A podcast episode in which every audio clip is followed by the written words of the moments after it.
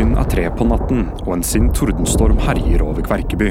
Vår tapre helt, privatetterforsker Arve Kvisthaug, har problemer med å sove. Han klarer ikke å slutte å tenke på mordet på Trine Erebos, og vandrer rundt i hotellets ganger. Muligens på jakt etter en drink. Dette hotellet gir meg en guffen følelse, og det blir ikke akkurat noe bedre midt på svarteste natta. Plutselig hører Kvisthaug et forferdelig brøl, og det går kaldt nedover ryggen på ham. Hva faen var det? Det hørtes ut som at det kommer fra lengre ned i korridoren. Han runder hjørnet og blir møtt av et horribelt syn. Midt i gangen står et grusomt beist på størrelse med en voksen mann. Det står med ryggen mot Kvisthaug og puster veldig tungt og veldig, veldig truende. Beistet har heldigvis ikke fått øye på ham. Hva i svarteste jungel er det her? Pst, Kvisthaug. Hodet til resepsjonist Lirestad stikker ut av en dør ved siden av Kvisthaug. Lirestad? Lenge siden sist. Hva faen er det som skjer? Hysj, det er ikke trygt her. Møt meg i resepsjonen. Jeg har ikke tid til å forklare. Kvisthaug rygger unna det vanskapte beistet og setter kursen mot resepsjonen. Når han kommer frem, venter allerede Lirestad bak disken. Nå tar og roer ned dette lokomotivet, så forteller du meg hva i tjukkeste tåka det er som foregår. Hva var den tingen? Et øyeblikk, Kvisthaug. Denne telefonsamtalen bør være himla viktig. Hallo? Ja. Ja, jeg er med Kvisthaug. Ja. Nei, virkelig? Er De sikker, Mr. Ørebos? Ok. Ja, jeg skal si det til han. Hotelleieren, hva var det han ville? Han vil møte deg, Kvisthaug. Er du helt Nils? Skal vi møte den nå? Nei, Kvisthaug. Ikke vi. Han ba om deg. Hotell Pandemonium. En spenningsserie i flere deler på Radio Nova. Episode fem Forført bak lyset. Kvisthaug står utenfor Ferdinand Rebos' kontor. Han åpner døren og blir møtt av en høy stolrygg bak en veldig stor mahognipult. Kvisthaug, jeg har sett frem til dette øyeblikket i lang tid. Si meg, hva synes du om hotellet mitt så langt? Har vært litt bob-bob. Men snurr deg rundt, så jeg får sett trynet på deg. Stolen vender sakte rundt, og Kvisthaug tror ikke sine egne øyne. For det som sitter i stolen, er langt fra menneskelig. Du store kineser! En snakkende rotte! Du har virkelig et øye for detaljer, Kvisthaug. I stolen sitter nemlig en hvit laboratorierotte, ikledd en burgunderrød dress.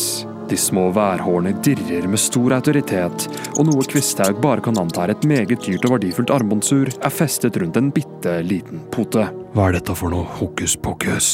Jeg lover du skal få svar på alt du lurer på. Men ikke akkurat nå. Jeg ber deg om å stole på meg, på tross av alt du har sett i kveld. Dette er den største porsjonen tullball jeg noen gang har fått servert. En snakkende rotte. Jeg tror det tørner for meg. Du er ikke gal, Kvisthaug.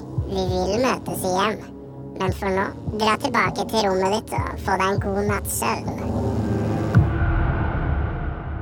Når Kvisthaug våkner neste morgen, har han problemer med å huske om nattens hendelser virkelig skjedde, eller om det hele kun var en eneste lang drøm.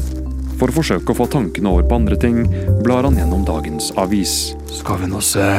Står det noe verdt å lese i denne hersens blekka? På side fire ser han et lite bilde av seg selv. Artiklene skrevet av Stephanie Andersen, reporteren som overraskende nok visste om mordet på Trine Erebos, til tross for at de eneste som var til stede, Kvisthaug, Dr. Fes og Bjørn Andersson, ikke hadde fortalt om det til noen. Ingen spor etter Den grønne svane.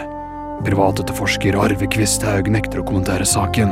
Skulle du sett. Ikke et kløyveord om mordet. Men hvorfor? Dette henger ikke på greip.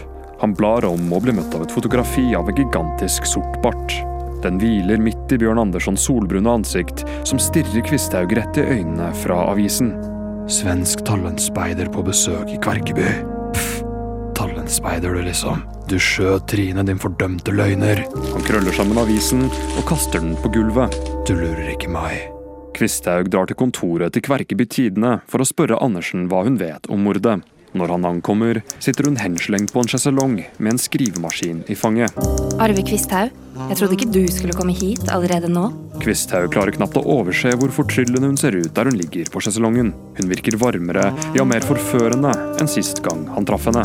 Stefania, jeg, jeg mener Stephanie. Du må fortelle meg hvordan du visste om mordet. Ikke at det fins et mord. Jeg mener Slapp av. Det hele var ren gjetning, Kvisthaug.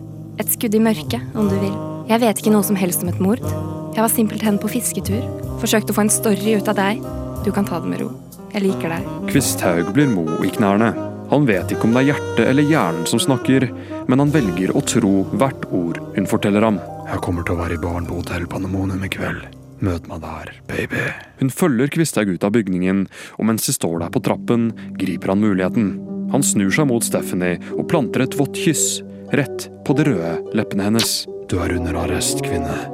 Jeg tror du har stjålet hjertet mitt. Vi ses i kveld, konstabel. Og med det snur hun seg vekk fra Kvisthaug og går mot døra.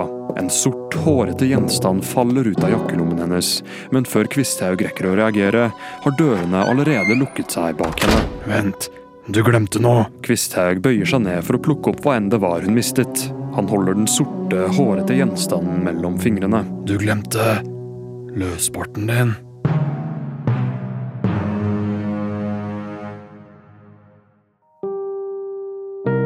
Hva var dette forferdelige vesenet Kvisthaug så i gangen?